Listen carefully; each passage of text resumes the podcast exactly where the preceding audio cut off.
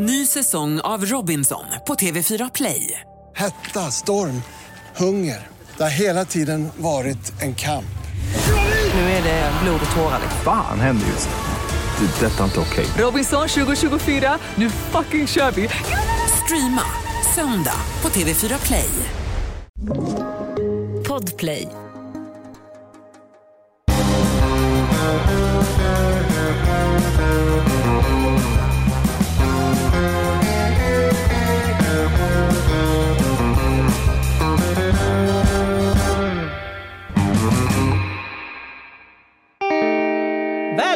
Välkomna till krimpoddarnas krimpodd Över min döda kropp.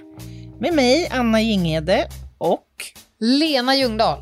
Lena Semestermode Ljungdahl. Så in i Ja, helvete. fy fan, det tog inte många minuter du. Nej, jag har inga som helst problem med att skifta in i semestermode. Jag är lite sämre på tillbaka.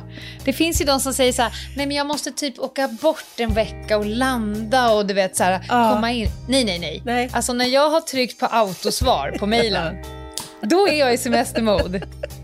Inga som helst problem med det. nej, nej, men jag är glad för din skull. Genuint och uppriktigt glad. Jag tycker du, du förtjänar detta mode. Ja, det gör jag. Ja, Jag är väldigt bra på det. ja härligt. Eh, semester it is och eh, det är också torsdag. Och det är första eh, torsdagen i våran lilla sommar... Eh, vad säger man? Även podden har ju gått in i sommarmode. Mm, mm. Och det betyder att vi nu fyra torsdagar i rad kommer att ha mm, case. Spännande saker som ni kan ligga och lyssna på när ni fnöser runt i hängmattan eller Fnöser, rensar som det heter. rabatter. Ja, ja. Eller rensa rabatter. Jag vet inte, vad gör folk på sommaren? Ja, det är väl väldigt... Eh, det- Åker båt. Ja, ja det är mycket, de, de, de bilderna bruk- eller har ju börjat ploppa upp nu i medierna. Mycket Ja. båtvyer, aktervyer så att säga. Ut över ett stilla hav. Och så. Ja. En annan sak som börjar plocka upp, så det känns som att jag nästan gör en minirövhatt, men det är otroligt mycket hud som exponeras nu. Och det är inte det. Sist kom det en kille åkande i typ Speedos Ja. på en sån här voj. Det är ju ändå, det har ju ändå något. Snjakers Speedo och, inga, och sen någon form av axelremsväska. Just Nej, jag vill, jag, vill, jag vill på riktigt inte se människors hudkostym. Nej, nej. Om man inte är på en badstrand, då kan det Inte då heller vara... helst, men då kan jag ju aktivt undvika att vara där, vilket jag gör. Jag ligger på en egen bergsknalle. Mm. Men, men när jag är liksom i det publika rummet, till exempel på ett, ett köpcentrum eller i kollektivtrafiken, nej, då vill inte jag se din hudkostym. Jag vill inte se någonting norr om knäna eller söder om nyckelbena, helst. om jag får välja. Ja, jag fattar precis. Jag Ja. förstår. Jaha. Nåväl. Mm. Nu ska vi i alla fall gå in i, i ett case. Ja, det var härligt. Och, och jag tycker det känns så otroligt spännande för jag kommer ju åka baksäte idag. Ja. Jag vet ingenting om vad det är du har grävt fram i Nej. arkiven. Vi delade ju upp oss lite, så den här veckan och nästa vecka blir det ett och samma case. Det är som en liten följetong som Ja. jag kör. Och sen så de två eh, följande veckorna är din huvudvärk. Och sen går vi på semester från podden i några veckor. Mhm. Så får det Ja. bli. Jo, jag valde ett case. Jag hittade ett case och jag valde det för att det var för mig extra spännande. Det var väldigt många platser som jag är uppväxt vid eller exponeras för hela tiden för att jag passerar dem Mm. till jobb, skola och så vidare. Så att jag ser ju alla de här platserna framför mig. Mm. Vilket gjorde caset för mig ännu mer intressant. Så jag tog det av rent egoistiska skäl. Ja, spännande. Så vi, vi är i Så det- Stockholm alltså? Vi är i Stockholm, vi är på Södermalm. Eh, och det roliga är att en av de mest centrala adresserna i den här berättelsen är på exakt den adressen som jag bodde. Eh, Mm. Från att jag var noll till jag var tolv. Jag tror att jag har berättat någon gång i podden att eh, knapparna till hissen var så högt upp så jag var tvungen Ja. att ha en hisspinne. Just det. Vi är, vi är där Nej, alltså. Vi är precis på den fläcken. Ja, det var väldigt roligt. Vi ska ta oss tillbaka till 18 augusti 1901. Mhm. Det är tidig morgon på polisstationen på Söder i Stockholm. Och vid den tiden så delade polis och brandstationen, eh, de samsades om kvarteret Råttan. Det är ett kul kvartersnamn. Verkligen. Jag har tömt internet och varit i lite olika arkiv och hittat massa härliga bilder. Så jag kommer när det här avsnittet läggs ut pumpa ut alla dessa på Instagram. Till exempel kommer ni nog få se hur kvarteret Råttan såg ut 1901 när polisstationen låg där. Mm. Får, får man Eh. fråga nu när vi ändå får känna historiens vingslag lite, för det här tycker jag är lite Ja. spännande. Vad det sen blev av de här lokalerna. Förr i tiden var ju till exempel brandstationer var ju ganska pampiga. Alltså det var ju Ja. ganska vackra och fina Ja. lokaler. Vad har vi, vet du var det ligger där idag? Jag kan säga att polisen låg på ena sidan eh, fasaden, eller huskroppen, på Rosenlundsgatan 1 och brandstationen låg på Krukmakargatan 22. Det är ju, de delar ju på ett kvarter. Mm. Och idag ligger polisen i samma hus, Nej. fast på andra sidan. Så polisen är kvar på samma Nej, ställe. Det är. Södermalms polisstation. Ja. Det är i alla fall tidig, tidig morgon och in genom den vackra porten så rusar en rödgråten kvinna. Hon heter Johanna Lovisa Amilon och hon eh, gråter och är förtvivlad och vill anmäla sin make som försvunnen. Hon kliver in där och är elegant klädd och två konstaplar tog hand om henne på absolut bästa sätt och lyssnade på hennes utsaga. Det var så att maken Herman Amelon hade alltså inte varit hemma i deras gemensamma bostad sen på torsdagen och det här var ju söndagen. Mm. De bodde på Skånegatan 79A. Ny kuriosa! Idag ligger ett café där som heter Gildas. Vi är mitt på Nytorget i centrala Södermalm. Och jag har skrivit många av kapitlerna till vår första bok på Just Gildas det. café. Det är roligt. Det verkligen. var där Lovisa och Herman bodde. Hon hade inte hört av honom alls och det var inte likt honom. Mhm. Hon sa så här, ja, Herman kan ju såklart vara ute och slarva ibland, men aldrig på det här viset. Konstaplarna tyckte att Lovisa verkade trovärdig och dessutom så hade de själva kännedom om den prydliga och skötsamma handlare herr Amelon. Det var en handlare alltså och de visste vem han var. Och han hade en butik på Nytorgsgatan 31 och det ligger bara runt hörnet från deras bostad. Okej. I dagsläget så är det en pizzeria som heter Primo Chow Chow som ligger i den hörnan. Mm. Och eftersom hon var så trovärdig och tjusig, stod det, Mhm. eh, och eftersom de själva kände herr Amelon som en, en eh, rekorderlig man så fick då det här ärendet hög prioritet. Mm. Och där vill jag göra min första inbromsning. Hur viktigt tror du att idag det är känslan man får för en anmälare och hur högt man prioriterar det här? För nu pratar de om att hon var tjusig och att de själva kände honom och sådär. Får det, vara, får det gå till på det sättet? Att det Nej. är det som avgör? Det, det får det ju naturligtvis inte och jag skulle ju gärna säga att det inte har betydelse. Att man hanterar alla försvinnanden på samma sätt oberoende av vem som tar emot en anmälan.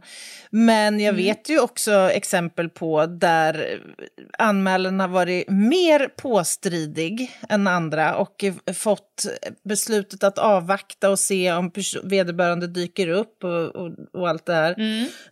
till att man faktiskt eh, tidigare sätter in insatser. Jag tror absolut att man, vare sig man vill det eller inte, man blir påverkad av det man läser såklart. in och exponeras för. Och det kanske någonstans också är rimligt. För om, ibland så kan det ju faktiskt vara så när man anmäler en person som försvunnen att det beskrivs att det här är en person som brukar ibland försvinna. Men nu Just har det. han varit borta lite längre än annars. Ja, men då kanske det är läge liksom att avvakta och inte slå på stora trumman direkt. Kontra om det är ett barn eller en gammal Mm. person. Eller...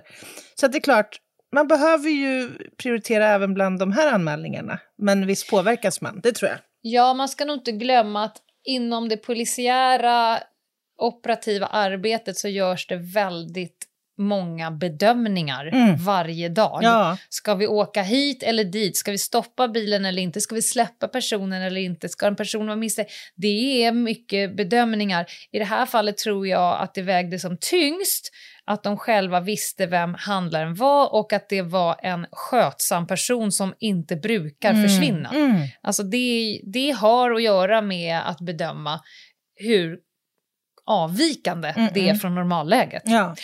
Nåväl, Lovisa hade gjort en hel del saker själv. Hon hade redan letat hos varenda människa som hon skulle kunna tänka sig att hennes make eh, kunde hålla till Mm. hos.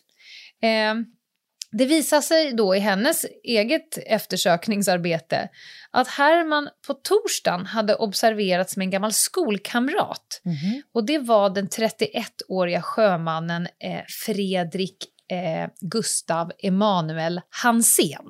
Mhm. Han var omskriven både som fylltratt och pratkvarn. Roliga epitet. Ja, eh, verkligen.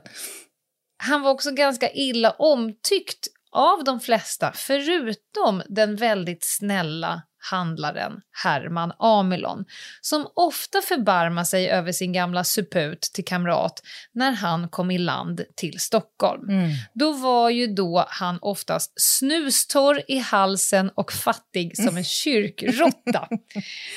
Mm. Och nu var då ryktet att den här sjömannen nyss var landstigen och hade alltså setts tillsammans med Herman. Sagt och gjort så hade Lovisa därför åkt hem till Gustav. Han, vi, han får tilltalsamt Gustav, han har så många. Mm. På torsdagskvällen.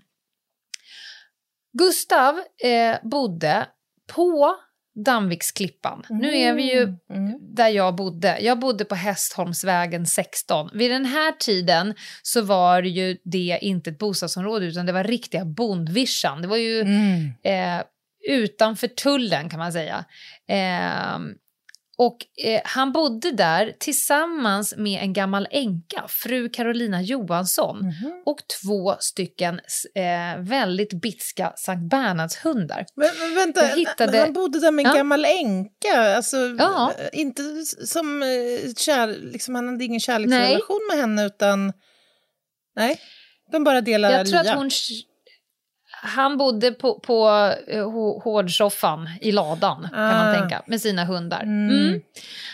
Eh, jag hittade ett roligt citat eh, om de här Sankt Bernhardshundarna. Mhm. I sitt slag ett ädelt djur och god vakthund vars uppgift syntes vara att skydda Hansens förhyrda hus samt var där i förvarades. Ja, och det var inte så mycket av hus där, utan det var en lada uppe på en hög eh, bergsknalle. Därifrån kan jag säga, man ser ju skärgården därifrån. Ja, det är en ganska så hög, det är högt, och man ser både åt eh, kanalen som skiljer Södermalmssidan med Hammarby sjöstad, Mm. men man ser också ut mot Stockholms skärgårds eh, inlopp. Det är ett väldigt fint ställe. Verkligen. På andra våningen fanns det två rum och, eh, som de använde som bostad på den här ladan. Eh, och Gustav hade flyttat in bara en månad tidigare efter att ha eh, haft ett väldigt äventyrligt liv ute på de stora haven. Lovisa berättade i alla fall för polisen att Gustav Hansén hade blivit otroligt förvånad över att hon kom dit. Och han hade minsann klargjort för henne att han hade eh, varit med, med hennes man, Herman, Mm. Eh, Men de hade faktiskt skilts åt redan på eftermiddagen då de hade gjort, ett säls eller gjort sällskap vid en krog på Mälartorget, inne i Gamla stan. Mm. Där hade de supit, redigt tillsammans och därefter hade Hansén inte sett honom alls. Mhm. Och här, sett till polisutredningar, det är alltid intressant med den personen som sist var i Mm, kontakt med såklart. den man eftersöker. Såklart. Det är ju en viktig person, den är inte automatiskt misstänkt, men det är ju en viktig person alltifrån Eh, vad hade personen på sig när du sist såg den? Åt Mm. ni någonting? Har personen betalat med några medel? Mm. Eh, hur verkade personen må fysiskt, psykiskt? Mm. Eh, det är jättemycket eh, frågor som man som polis gärna ställer till den som såg en person sist. Ja, men så är det ju. Och en fördel i just det här specifika caset det är ju att eh, det uppges att de har varit på en krog och det innebär ju att Ja. de inte ensam har träffats. Nej. Så det skulle man ju se som faktiskt eh, en stor fördel, att det kan finnas fler iakttagelser vid den sista kända tidpunkten då han i vart fall var vid liv, om man nu misstänker att han Mm. inte längre är det. Och 1901 hade de inte så himla mycket kameror, men det man hade gjort idag var att man hade åkt till den här krogen, hört sig av med, eh, för med folk som jobbade den kvällen och kollat om de har kameror eller betalningsslippar eller någonting som liksom kan eh, lägga pusslet. Ja. Eh, men i det här fallet så nöjde man sig med att prata med dem som var där. Ja, vilket spännande. Super. Jag ser väldigt mycket fram eh, mot att få ta del av fortsättningen. Men först eh, måste vi gå på en liten paus. Ett poddtips från Podplay. I podden Något Kaiko garanterar östgötarna Brutti och jag, Davva, dig en stor dos skratt. Där följer jag pladask för köttätandet igen. Man är lite som en jävla vampyr. Man har fått lite blodsmak och då måste man ha mer. Udda spaningar, fängslande anekdoter och en och annan arg rant. Jag måste ha mitt kaffe på morgonen för annars är jag ingen trevlig människa. Då är du ingen trevlig människa, punkt. Något Kaiko, hör du på Podplay. Därför är Välkomna tillbaka. Eh, Vi lyssnar till krimpoddarnas krimpodd och Lena som eh, berättar om caset med den försvunne herr Amilon. Och före pausen så befann vi oss på en eh, krog i Gamla stan. Vad hände sen? Ja, men de pratade med personalen där, men framförallt så eh, tänkte ju de att eh, efter Lovisas utsaga om det hon har gjort och det den här Gustav Hansén sa så blev ju de väldigt nyfikna. Så att de eh, åker och hämtar honom. Eh, och nu har jag inte stenkoll på eh, hur rättegångsbalken eh, användes 1901, men i dagsläget så finns det ju absolut lagstöd för det här och det är ju 23 kapitlet 6 paragraf i rättegångsbalken som heter hämtning till förhör. Och den säger att man får hålla förhör med varje person som kan antas lämna någon upplysning som är av betydelse för en utredning. Eh, och eh, Får jag fråga, är det här något man kan motsätta sig eller? nej, det kan man inte göra. Nej. Eh, du kan både bli hämtad till förhör och du kan bli medtagen till förhör. Du kan bli, man kan få allt från ett brev i brevlådan, men om man av någon anledning tror att den inte kommer hörsamma så kan man också åka och hämta en person. Eh, så att, nej, det kan man inte göra. Och det betyder, betyder inte att man behöver vara misstänkt för ett brott. Nej, nej, absolut inte. Nej. Gustav följde i alla fall snällt med till stationen och förhördes grundligt av, lyssna nu, den framstegsvänliga detektivkommissarien Westling. Jag gick, jag gick till internet och frågade vad är de vanligaste synonymerna för framstegsvänlig? Ja. Man kan ju gissa sig till det, men det betyder progressiv, radikal och frisinnad. Mhm. Det är ju tre epitet som är rätt fräscha att ha om man ska vara en detektivkommissarie som ska försöka lägga ett pussel. Verkligen. Eh, han hade i alla fall ett rykte om sig att känna lukten av en förövare på långt håll. Han var nu den förundersökningsledaren eh, som eh, skulle reda ut det här med att köpman Herman Amelons var försvunnen. Men framför sig satt nu den här eh, sjömannen lugn, halvsäker, men vibrerande nära att bli stursk. Mhm. Han kanske bara var lite eh, abstinent. Det kan vara det, det mesta, men jag kan minnas hur många förhör som helst när man har just sådana personer framför sig som är lugna, orimligt självsäkra sett till att de har blivit hämtade och sitter framför en, en konstapel, Mm. men också på vippen till att bli lite så här oggiga. Ja, jag fattar. Det, jag skulle säga det Mm. kanske är den vanligaste kombinationen av känslor eh, i ett rum. Förutom de som är bara otroligt tillmötesgående och härliga. Men är det ett uttryck för nervositet, tror du? Den här sturskheten? Eller vad, vad, hur kan man tolka den? Jag tror att kanske anfall är lite bästa försvar. Mm, Alltså, om man tänker att du har något på mig. Jag, jag- tror att det är lätt att gå dit. Mm, mm. Eh, det är ju bara som när man ska försöka säga någonting till någon som har gjort något fel. Ja, men du då? Alltså hela den kontexten. Men Folk då? är ju rätt dåliga på att bara ta. Mm. Ja, han sitter i alla fall där. Han verkar eh, också väldigt oberörd när Mhm. han får reda på att en kär gammal vän har varit saknad i flera dagar. Eh, vilket kan vara lite udda. Om jag hade fått reda på eh, att någon av mina nära vänner eh, bara var försvunnen och att de var oroliga om vad, då hade jag ju i samma sekund blivit väldigt orolig. Så det kan Såklart. man väl kanske reagera på. Mm. Hans berättelse är i alla fall att han och Herman hade stött samman på torsdagsmorgonen vid nio-tiden. Eh, de hade varit på Folkungagatan, det är en lång gata som eh, går igenom hela Södermalm. Sen eh, hade de tagit eh, sällskap ut till eh, Klippan, alltså Danvikstull, Gustavs lada, hemmet. Mm. Och då hade Herman tjatat på honom om en gammal skuld på 50 kronor. Mhm. Jag var ju givetvis in, var tvungen att gå till nätet igen och räkna ut vad Mm, är det för mm. pengar vi pratar om.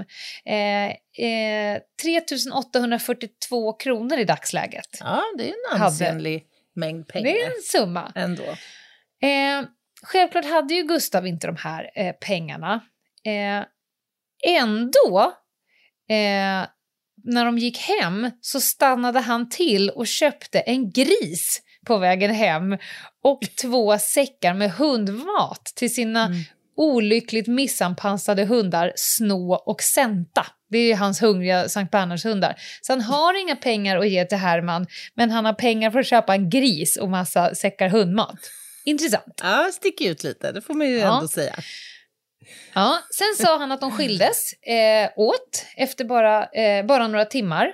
Och sen så eh, återstrålade de tillsammans på eftermiddagen eh, och eh, tog en krogrunda. Mm. Och de gick till, det hette Judens krog. Jaha. Och det var ett hak för det skummare klientelet och där stötte de på, han nämnde eh, två personer, Bagar-Anders och Skånska Per. Det var två personer som de, de träffade på krogen. Jaha. Men också bra ju. Här finns det ju ytterligare Absolut. så att säga, möjliga Två till vittnen. Ja. Absolut. Eh, poliserna och eh, den framstegsvänliga kommissarie Westling, de tyckte att ja, men det låter väl rätt trovärdigt so far, Mm. eh, alltihopa. Då fortsätter han att vi var ordentligt runda om fötterna och, eh, och släntrade hem eh, sent på torsdagskvällen. Mm. Och Gustav, han tänkte ju dra vidare på sin krogrunda och Herman, han eh, skulle gå hem till sin fru. Mm. Och det var sista gången eh, som sjömannen Gustav Hansén såg sin vän Herman Amilon och det gick han i ed på inför kommissarien. Mm. Kommissarien tyckte fortfarande att berättelsen lät ganska trovärdig Mm. men han kände att det var något mysko under ytan. Han kunde inte riktigt ta på det men han kände att han eh, ville kolla upp mer saker. Men så fanns det en väsentlig sak och det är att han kan inte bevisa att någon har gjort någonting mot Herman. Amilon för de har ju ingen kropp. Just det. Det kunde eh, hittills inte bevisas att ett brott ens hade begåtts. Det skulle ju faktiskt kunna vara så att Herman Amelon både var i livet och Mm. vid gott mod. Eller att han av någon okänd anledning faktiskt bara frivilligt håller sig borta. Mm, och det är ju mm. ganska vanligt. Ja, det är det. Jag minns ett sånt här ärende, det var ju väldigt tragiskt faktiskt på många sätt. Då var det en eh, lokal eh, invånare som plötsligt försvann. Men han hade en historia av att ha gjort det tidigare. Och då hade han stuckit bland annat till USA och kunde hålla sig borta länge och andra länder också för den delen. Och eh, man tänkte väl då att ja, men det här är ju ett frivilligt försvinnande då. Eh, och Ja. även hans familjemedlemmar var liksom, ja, nej men det har hänt förut, det, det är nog så att Ja, han faktiskt håller sig... Ja. Mm. Men jag tror att det var ett år senare så anträffades en kropp hängd i ett träd Mhm. i skogen. Det var ju faktiskt nästan ingenting kvar av den. Men han kunde senare identifieras att han hade ju då valt att ta sitt liv och sannolikt gjort det i direkt anslutning till att han också försvann. Och det är ju också det är en annan sorglig aspekt av det på något sätt, att man faktiskt tror att han lever och lever med den Mm. vissheten och sen så långt senare får ett annat besked. Tragiskt. Väldigt tragiskt. Och när du säger att det är knappt någonting kvar av honom, då är det identifiering via tänder. Ja, precis. Det, Mm, det får man ja. ju gå på då. Men det är ju inte Ja. ovanligt heller att man också dyker upp. Alltså att man frivilligt håller sig borta. Av Det det en eller annan anledning. Ja, Ja, det vanligaste scenariot är att det finns en naturlig förklaring. ja precis. Eh, men eh, det är lite farligt att utgå från det. Mm. Ja, det kan det vara. Mm. Hur mycket polisen än snokade i hans förflutna så hittade de ingen anledning att tro att Herman Ameron skulle vilja hålla sig borta frivilligt. De hittade inga ekonomiska problem, ingen spår av några älskarinnor, inga relationsproblem, inga ovänner. Mhm. Eh, så de förstod inte riktigt varför han skulle vilja hålla sig borta. Nej. Men i och med att de inte hade något att gå på var de ju tvungna att släppa ut Gustav Hansén fri. Mm. Detta firade han med att supa till ordentligt med den gamla änkan som han bodde med. Mm. Och de två tillsammans hade också den goda smaken att gå förbi Herman Amelons handelsbod där, du, där nu ledsna fru Lovisa slet i Mm. butiken i avsaknad av sin make och där passade de på att skälla ut henne för att hon hade kommit med falska beskyllningar till polisen. Oj, vad ofräscht. Är det ett klassiskt Ja. case av övergrepp i rättssak? Ja, får bevittna här. nowadays, Mm. nowadays så skulle jag säga att det är ett, ett verkligen klassiker, klassiskt case av, av eh, brottet övergrepp i rättssak. Lite folkbildning då. Den som genom våld eller hot om våld eller på något annat sätt angriper en person för att han eller hon har anmält ett brott, har vittnat i rättegång eller liknande eller försöker på något sätt påverka en person så att den inte ska anmäla ett, eh, ett brott till polisen eller vittna, den gör sig alltså skyldig, skyldig till övergrepp i rättssak. Och det Mm. är ju för att skydda eh, processen och demokratin kan man säga. Ja. Att det står varje människa fritt att göra en polisanmälan. Sen är det upp till polisen att eh, inleda en, en förundersökning eller avstå eller att lägga ner och eh, att vittna i rätten. Det ska man inte vara inne och peta på för då, då påverkar man eh, vår rättsstat Alltså jag på ett att det, ganska invasivt sätt. ja, och jag skulle säga att det här är ett av brottsbalkens absolut viktigaste lagrum Ja. för vår demokrati. Håller med. Håller med. Så när han går eh, till då fru eh, och ger henne en avhyvling för att hon eh, gick till polisen och gjorde en anmälan. Nu för tid hade det varit ett övergrepp i Mm, rättssak. Mm. Polisen hade kört fast. Men inte gav de upp hoppet och nu kommer ju hjälpen från sidan. Som så ofta så får ju polisen hjälp med uppslag eller tips eller eh, fantastiska engagemang på ett eller annat sätt. Det är Hermans bror Ernst som kommer till un- undsättning. Han mobiliserade nu en grupp med vänner och de samlades ja, på måfå skulle jag säga, men de, de bestämde sig för att nere vid Hammarbysjön, väldigt nära Gustavs lada här uppe på Mm, kullen, eh, samlades de. Och med två ekor och en lång dragg som fästes mellan båtarna så rodde man väldigt ångestladdat men beslutsamt kors och tvärs över vattnet för i, i hopp om att finna brodern Herman. Mm. Eh, och eh, de var ju alla vänner med honom och saknade honom jättemycket. Så med starka tag och de byttes av och kämpade så eh, nere i liksom sensommarens vatten Mm. så letade de, snacka om nål i en Ja, höstack. verkligen. Jag tänker på eh, moderna liknande företeelser. Nu finns ju, finns ju organiserade grupper som Ja. bistår. FIC och Ja. Missing People och allt vad de nu heter. Det. Men det är intressant att de valde att rikta in sig på vatten i första hand, men det är klart, det kanske var naturligt om nu ändå Gustav var intressant trots allt och sett till hans beteendemönster här. Eh, och som han bodde då, nära vatten. Att det hade varit det mest naturliga stället kanske att dumpa en kropp på. Ja, det kanske var en kombination av liksom det geografiska, att det fanns i närheten till att han, de kanske tänkte att han är sjöman. Vad vet Ja, han? Om han kanske har tillgång, inte vet jag. Mm. Ehm, jag antar att de letar på andra ställen också. Mm. Eh, men trots att det verkligen var som att leta efter en nål i en höstack så nådde man ändå eh, framgång. Mhm. En av dem, snickaren Johan Andersson, han fick plötsligt napp. Okej. Vid Hammarbysjöns, Hammarbysjöns södra strand alldeles in till kanten, mitt för en byggnad som eh, hörde till Hammarby gård. Alltså, ni, eh, ni som är Stockholmsbaserade, vi är mitt emellan, det ligger en ganska känd restaurang som heter Thaibåten eh, nere i kanalen mellan Södermalm och Hammarby sjöstad. I, i närhet, mellan Thaibåten och kajen på Hammarby sjöstadssidan. Där är de nu och där högg det till. Mhm. Med bestämda årtag närmade de sig och tog en enterhake och drog in det de fastnade i. Och det de hittade var en, en stor tunna Mhm. vars eh, bottnar eh, var urtagna och istället hade man spikat fast eh, säckväv Mhm. eh, runt den här tunnan. Hermans bror Ernst, han eh, vågade inte närma sig det här fyndet utan överlät arbetet till någon av sina vänner som motvillig tog på sig arbetet att skära upp eh, väven på den här guppande tunnan så man kunde titta in i den. Mm. Nu stod alla spända eh, och nervösa i en ring runt den här tunnan eh, och kikade på hur den här blöta säckväven skars bort från botten av tunnan. Eh, även brorsan Ernst stod där. Vilken det första man såg var alltså. ett...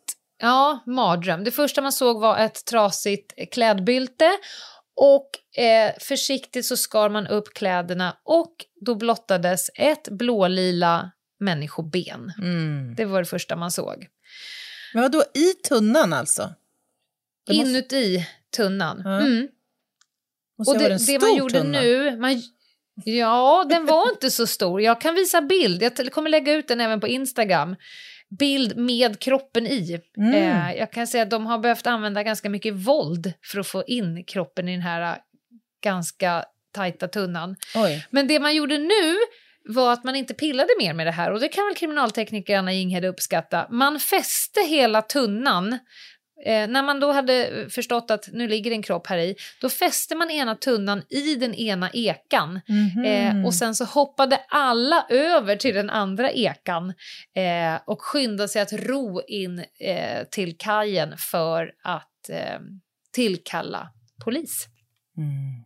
Oj, vad spännande. Och då kom ju detektivkommissarie Fredrik Westling eh, dit tillsammans med sina konstaplar. Han stod tyst på stranden medan kollegorna drog upp tunnan från vattnet. Mm. Väldigt många nyfikna hade ju letat sig dit. Eh, brodern Ernst stod där, vännerna var där. Det var ganska upprört och rätt mycket stimmande Mm. runt poliserna. Eh, kommissarien var tvungen att göra någonting som var emot honom och det var att agera lite bryskt. Oj! Så han, ja, han bestämde sig för att spärra av platsen så han skulle få lite andrum och eh, frihet för att undersöka tunnan. Är du lite brysk när du drar ett rättegångsbalken 2715 band över din brottsplats? Alltså jag, det är ju sällan jag som gör det. Det kan hända att jag flyttar en avspänning eller så. Eh, så att, nej, det brukar inte vara. Däremot så blir jag ju brysk när jag kommer ut till en brottsplats och finner fler poliser i, inom det avspärrade området än utanför Ja. det avspärrade området. Ja. Det blir jag. Det, hände, Det det, var inte många inte. dagar sedan det hände senast. Och det fick de också besked om då. ja. Alltså, Hur låter det då? Ja, alltså jag uttryckligen frågar vad de gör på, inom avspärrade, den avspärrade ytan, området. Ja. Häromdagen, alltså det är ju så här, det är en sak, en aspekt av det är ju att de spår som finns där blir ju påverkade och det tillkommer fler spår för att poliser också kan glömma bort att det är en brottsplats och spotta, slänga ut en prilla eh, eller vad vet jag, kliva omkring och påverka. Men det är också så om det är en stor avspärrning, en stor insats eh, och vi har jobbat med mycket civil personal så kan det vara Ja. så att det inte ens är säkert för mig att de som är inne i det avspärrade området ens är poliser.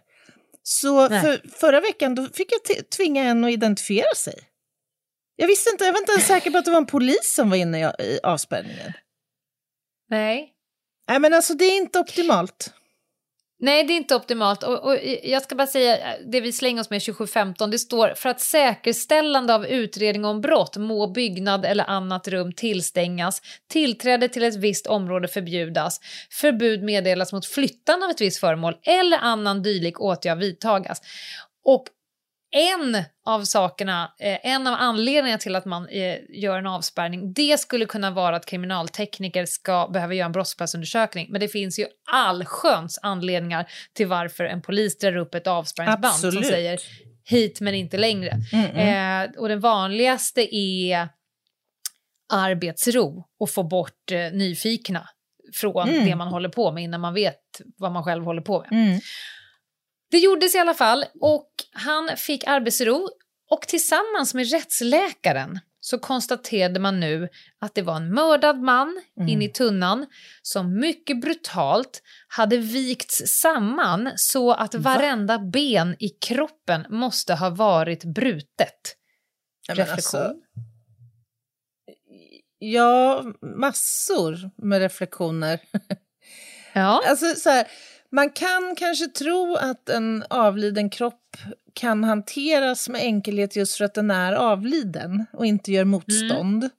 Men så är det definitivt inte kan jag säga. En avliden kropp är otroligt tung, otymplig, eh, oflexibel. Ja, men alltså, jag bara så försöker föreställa mig hur det rent konkret skulle kunna ens vara möjligt. Nu har jag inte sett Ja. tunnan, men det, jag föreställer mig att kroppen måste på något sätt då ha varit dubbelvikt, alltså vid midjan Ja. eller motsvarande. ja det är den.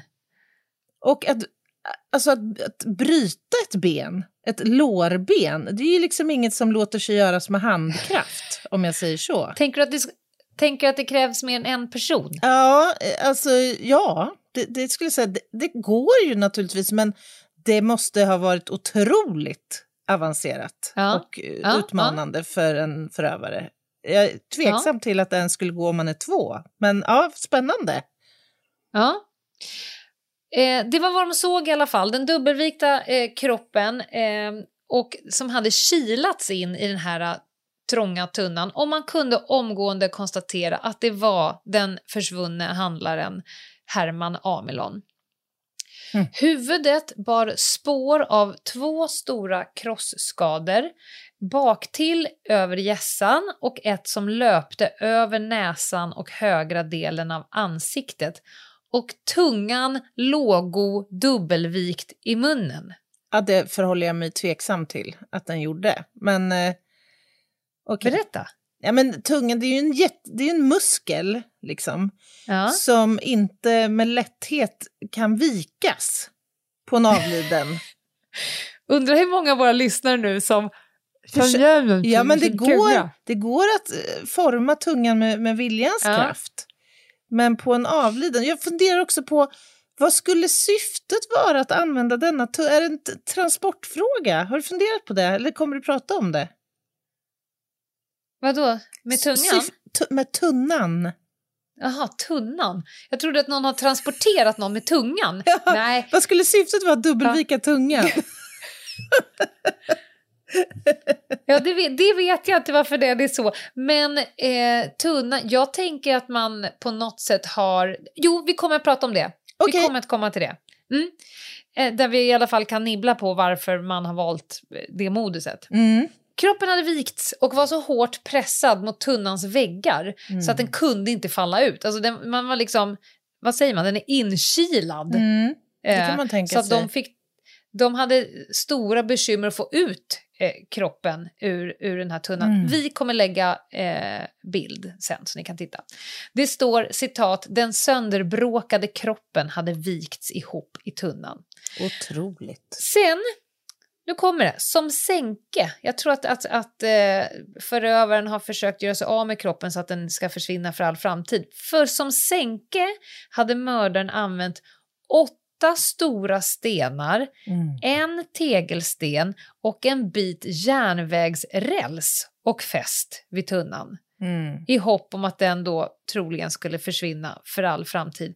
Men det hade inte hjälpt utan tunnan hade flytit upp och drivit i land där den upptäcktes av brorsan och hans vänner. Det där menar jag, tycker det verkar fullständigt klantigt att välja en tunna. Den, den är ju som ett flöte. Den har ju en flytkraft. Ja, den- ja. Och då, Ja. på den tiden var det ju inte plasttunn, alltså det var ju trätunnor utgår jag ifrån. Ja. Ja. Otroligt intressant. Kan, och då kan man kanske tänka sig att det är en person som har varit i tidsnöd. Mm. En person som inte har varit vid sina sinnesfulla bruk. Kanske tänkt snett och vint. ja, men i full tids, kanske? Är man i tidsnöd, då väljer man ju inte den här vägen. Nej, jag vet inte. Eller så var det vad man hade för handen. Mm. I någon form av dum panik. Eller vad Ja, man hade innanför pannbenet. För att det finns ju Ja. åtskilliga exempel på föreställningar om vad som funkar i de här sammanhangen. Och det har vi ju sett många gånger att det inte alltid är så att de här mördarna är särskilt pålästa eller gör sitt förarbete. Så att säga. Nej. Och det ska vi vara glada Det- för. Det ska gudarna veta, att man har utrett brott och man tänker nej men så jävla dum kan han ju inte vara. Jo, det kunde han. Dessutom så hade någon vittjat fickorna på allt av värde. Herman saknade både sin klocka och sina ringar och det hörde inte till vanligheten. Nej. Och eh, pengarna saknades också. Då kan man ju börja fundera på, är det ett rånmord? Mm. Är liksom själva syftet med att mörda honom, har det blivit något fel i, i, inom ramen för ett rån? Möjligtvis. Så här börjar ett motiv eh, torna upp. Ett möjligt motiv. Ja, nu vet man i alla fall att Herman Amelon har blivit utsatt för ett brott. Någon har haft ihjäl honom, någon har också knölat in honom i en tunna och försökt göra sig av med den. Och någon, vet inte om det är samma person, men någon har också tagit hans ägodelar. Någonstans mellan att han gick ut på krogen och att han anträffade sin tunna. Så nu eh, skulle jag säga drar man väl igång en ordentlig eh, polisutredning för att hitta mördaren, motivet, brottssättet, dödsorsaker. Det är jättemånga saker som man ska ta reda på nu. Verkligen. Ja, det här ser jag fram emot. Jag tror att eh, nästa avsnitt så kommer vi få svar på många av de här frågorna. Ehm, Mhm. Så tack för det, Lena. Nu går vi på paus och efter det så vi får väl loss en rövhatt till livs idag. Nu är det dags att bruna ur. Ja. Poddtips från Podplay. I fallen jag aldrig glömmer djupdyker Hasse Aro i arbetet bakom några av Sveriges mest uppseendeväckande brottsutredningar. Går vi in med hemlig telefonavlyssning och, och då upplever vi att vi får en total förändring av hans beteende. Vad är det som händer nu? Vem är det som läcker? Och så säger han att jag är kriminell, jag har varit kriminell i hela mitt liv men att mörda ett barn, där går min gräns. Nya säsongen av Fallen jag aldrig glömmer på Podplay. Välkomna tillbaka. Ni lyssnar på avsnitt 317 av podden Över min döda kropp. Och Lena har just lotsat oss igenom den första delen av ett väldigt intressant historiskt case rörande Herman Amilon. Och var detta ska ta vägen det får vi veta i nästa vecka. För nu tänkte jag bjuda på lite samhällsinformation och sen blir det en rövhatt signerad Lena Ljungdahl. Vad har vi på samhällsinfo egentligen? Jo, vi har ju en viktig mejladress för er där ute. Ja. Nej. Nej, men så här, det går ju att komma i kontakt med oss. Eh, även om vi inte alltid svarar på momangen för, så försöker vi ju att beta av det mesta som kommer till oss. Det går att mejla på hej Ljungdahl och ginghede.se och det går att eh, hålla utkik på Instagram där du ju nu, Lena, kommer lägga ut lite spännande eh, bilder från det här caset om jag förstått det hela rätt.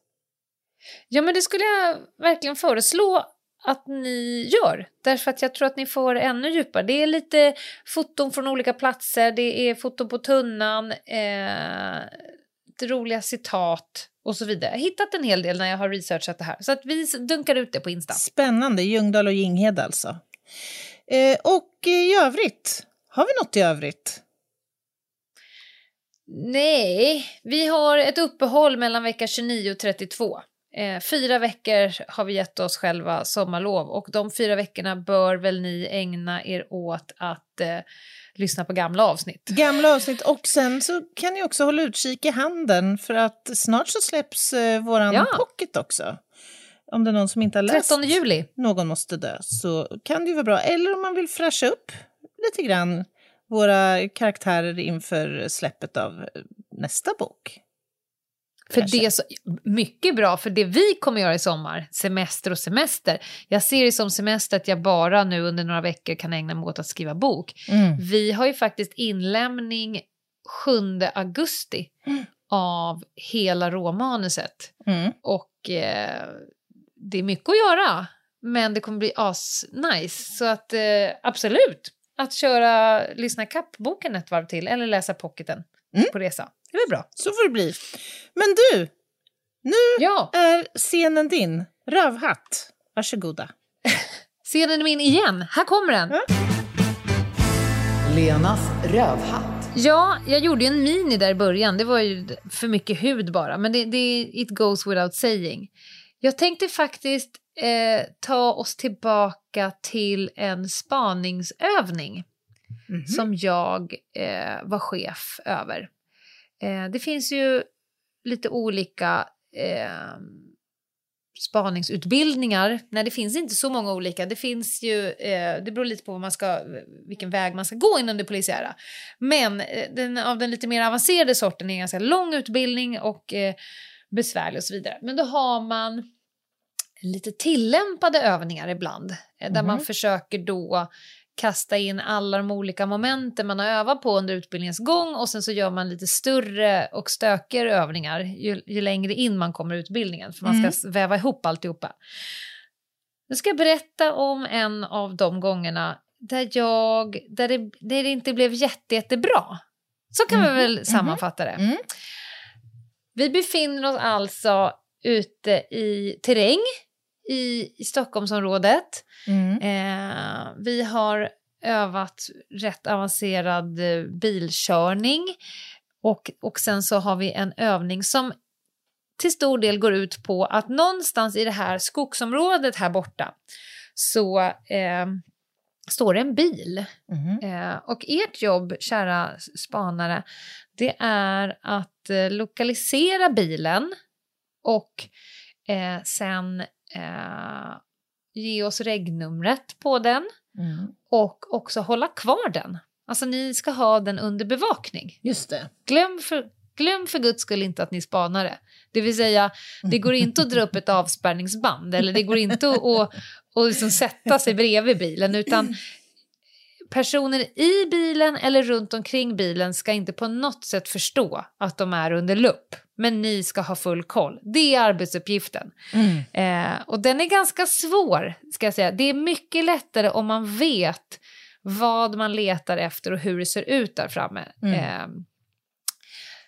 så då har ju vi då eh, ställt upp en bil och eh, en, en, ett gäng då som ska öva, eh, lokalisera bilen jättebra och vi får reda på regnumret och jag säger bara "Vad bra, då kan ni hålla den nu. Eh, så. Och sen hade vi då, vi har ju målat upp någon form av scenario, det är inte vet jag, nära förestående vapenaffär, ni får absolut inte tappa bilen, den är full med inte vet jag, bevis, knark, pengar, jag kommer inte ihåg vad scenariot var. Nej. Och de då gör ju ett jätte, jättefantastiskt jobb på olika sätt. Jag berättar absolut inte hur. Men då har ju vi givetvis eh, riggat så att eh, en bit in i övningen så kommer det ju någon bonde i storstövlarna gående fram till en av dem och säger vad gör ni på min område? Och då får de ju absolut inte identifiera Nej, sig. nej. För de vet, man, det gör man absolut inte. Så de måste ju då ha bestämt sig för vad gör vi egentligen här? Gud. det är ju, Jag hade fallit. Ja. Jag hade failat direkt. där. ja. Jaha, Ja, vad vi gör här? Nej, men vi har en övning här nu. Backa 2715, brottsplats Anna Jinghede. Ja, nej, men det är därför du inte är spanare Just utan kriminaltekniker. Så enkelt ja. är det. Ja. Nej men, men de, eh, de skötte sig jättebra och de hade liksom bestämt sig och då kan man inte heller ha två olika eh, berättelser för vad man gör på platsen ifall när han pratar med två olika så säger de olika Ah, saker utan det måste det. också passa ihop. Och sen så måste det också passa ihop med tiden, med platsen. Är det rimligt det du säger? Eh, se, är du klädd för den storyn du ger? Du kan inte klappra runt i pumps och säga att du är ute och letar efter kantareller. Alltså det måste, allting måste hänga ihop. För faran är om personen tycker att det inte stämmer då kommer personen bli skeptisk och då kommer den börja söka mer information och det är det sista man vill. I alla fall. Det som händer är att en av spanarna har tagit, man har lite olika uppgifter, den har lagt sig liksom i terräng Aha, och har eh, eh, koll från håll. Så eh, han ligger i terräng, han har sitt vapen och, och vi delar ut oss såna här eh, pluggade, alltså det är inga riktiga vapen Nej. för att man ska kunna, du vet, ja, övningspistoler. Eh, nu, kommer då, nu kommer det spännande. Det är att han har lagt sig ganska nära där eh, Arlanda Express går. Mhm, Mitt i övningen då åker Arlanda Express förbi. mhm. Och lokföraren ser ju nu hur det ligger en man i skogen med vapen Nej från sin lilla styrpulpet. Larmar nu Ja. 112. Åh, Nu, nu, det här, nu börjar det bli kul. kännas 112 nu. Ja. Larmar 112. 112 har då information om att i närheten så ska en väldigt stor värdetransport eh, gå. Aha. I liksom, närmsta timmen så visar, alltså det, det är så Mhm. många saker som blir fel samtidigt här, så närmsta timmen, de tänker ja, okej, person i terräng med vapen, vad har vi nu i den här stadsdelen närmsta till? Ja, ah, vi har en jättestor värdetransport eh, här nu. Mm. Okej, vi snackar rån. Så jag då som står på övningsområdet, typ en kilometer därifrån, Mm. helt plötsligt så hör jag bara Foff, foff, foff, foff, foff, foff. Jag tittar Åh, upp och bara, fan nej. vad mycket poliser det är överallt. Vad händer? Och vi slår ju då över på radio. Vi hör ju världens jävla insats på radion. Att det liksom är rån på gång och jag inser så här, nej, nej, nej, nej, Nej, nej, nej. Nej, så jag går ju ut på övningsradion och bara, är det någon som ligger typ, de bara, ja, det kan vara jag. Så han bara, jag har en, en, en polishelikopter som ligger och trycker över mig. Han ligger ju kvar i terrängen. Ah. Där då den här lokföraren har sagt att han ligger. Så jag bara, okej, du måste identifiera dig. Så här, två händer upp i luften. Så det han gör är att han tar två händer upp i luften och sen går han, han har ju också sån här FX-mask på sig, alltså det är så hemskt alltihopa. Han går i alla fall med två händer upp i luften, försöker på något sätt identifiera sig. Eh, han tar den här eh, den gamla polisspaden man har i Ja, civilbilen. ja, det ser ut som ett pingisrack som Ja. det står polis på. Han håller den över sig som att så här, Åh. hoppas de ser där uppifrån. Jag som står på ett övningsområde innanför några grindar det kommer så mycket poliser fram till grindan och jag tänker så här, jag måste ju nu identifiera mig. Och så, så jag går ju fram till de här eh, gossarna som står där och de är så jävla stressade. De Ja. bara, ni måste bort! Jag bara, vänta, lyssna på mig nu. Det, det som ni ser, det är en polisövning. Så jag bara, ni måste avbryta! Vi har ett rån! Du vet, ja, jo jag hör, fast jag tror att den är rädd för är mig Ja. och jag är polis. Så han bara, backa! Alltså det är så, vi står på varsin sida staket. Jag når honom inte Nej, vad överhuvudtaget. surrealistiskt. du måste dra tillbaka alla dina, ni måste härifrån, vi har en stor insats här. Ja, jo jag vet det, men, men den som ni tror är rånaren, det är en av mina eh, som går spaningsutbildningen. Och det är en kollega och han håller på att bajsa på sig nu för att 944 som helikoptern heter, hette på den tiden ligger liksom och trycker honom i skogen nu. Så här, skjut inte honom nu, det är en kollega. Du hör inte vad vi säger. Så jag bara känner så här, åh fy fan. Så att den som är rövhatt i hela scenariot, det är ju givetvis jag själv. Just det, just det. För det här hade du kunnat Där- förebygga, så att säga. Ja, men alltså, jag har gjort såna här övningar hundratals gånger och alla gånger, det första man gör är ju att ringa till polisradion och säga klockan 14.20 till klockan 14.57 kommer vi befinna oss i det här området, vi kommer ha den här typen av, vi kommer ha det här. Jag har ju glömt det. Mm. Så att, Ja. mm, så att jag bara säger så här, allt som pågår nu, det är liksom insatsstyrkor, det är helikoptrar det är min kollega som har på att bajsa på sig själv ute i skogen. Han bara, hur ska jag kunna, ska jag klä av mig kläderna? Jag bara, gör vad fan du vill, men rör dig väldigt långsamt medan du gör det. Det var du, Lena förmodligen- Ljungdahl, som körde polisens budget i botten det där Ja. året. Nej, men alltså... Alltså jag, jag, ring, jag, fick, jag fick göra en liten avbön, jag bad om ursäkt och de var rätt fine med det. Alltså Ja. skit händer. Ja. Eh, men också att man inte kan nå fram Nej. till sin kollega. Jag bara, men lyssna på vad jag säger. Ja. Det är inget rån som kommer hända. Det är vi. Nej men det är en kilometer bort. Ja, han heter, inte vet jag vad han heter, Niklas Andersson. Han har det här bricknumret och så vidare. Ja, nej, så det är liksom... Eh, Ja, det är- Efter det... Jag har aldrig någonsin glömt ringa polisradion. jag det hade inte gjort det innan och jag gjorde det inte efter. Jo, jag Eh. kan säga, det här påminner mig om, för det händer ju titt som tätt att folk ringer in i massmängd till radion Ja, eh, i samband med filminspelningar och så. ja, ja. Det finns ju ja, exempel på när man inte har ringt och informerat heller om att man Ja. ska spela och, och Nej, folk jag sätter skarpa kutat- lägen. Jag har kutat rakt in i en korridor på Nybodahöjden, det är ett litet knöggligt område, med dragna vapen för att det är en, ett människorov längst in i en korridor. Så vi gör ett ordentligt jävla sök. Och man dundrar på och har lite tunnelseende och man Mm. inser att det är otroligt mycket kameror Ja. här. Och nu är jag på bild också. Oh, Förlåt, wow. skulle vi ha sagt till? Ja. Ja, Det hade varit... men jag kan också göra det misstaget säger man bara då. Ja, just Ja. det.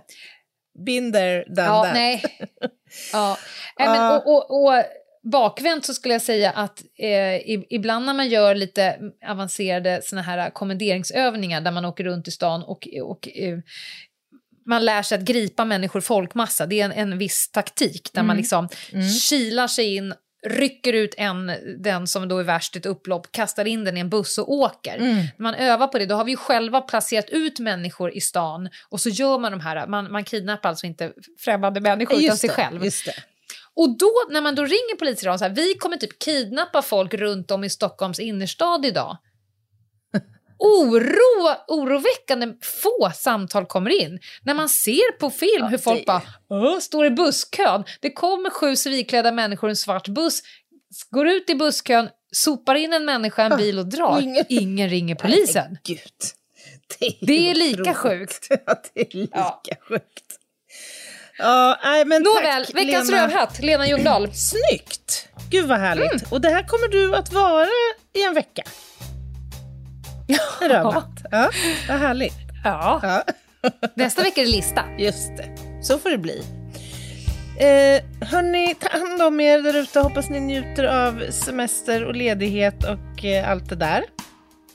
Och ni som fortfarande Mm. jobbar, eh, ni ska också njuta. Det går att göra det också. Så ofta som möjligt. Ja, absolut. Vi hörs om en vecka. Bye! Bye, bye.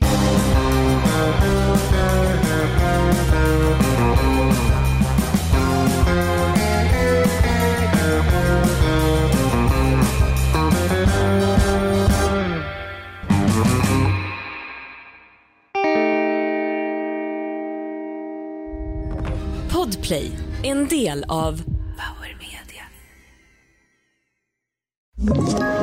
Ett poddtips från Podplay. I podden Något Kaiko garanterar östgötarna Brutti och jag, Davva, dig en stor dos skratt. Där följer jag pladask för köttätandet igen. Man är lite som en jävla vampyr. Man har fått lite blodsmak och då måste man ha mer. Udda spaningar, fängslande anekdoter och en och annan arg rant. Jag måste ha mitt kaffe på morgonen för annars är jag ingen trevlig människa. Då är du ingen trevlig människa, punkt. Något Kaiko, hör du på Podplay. Därför är gardinerna.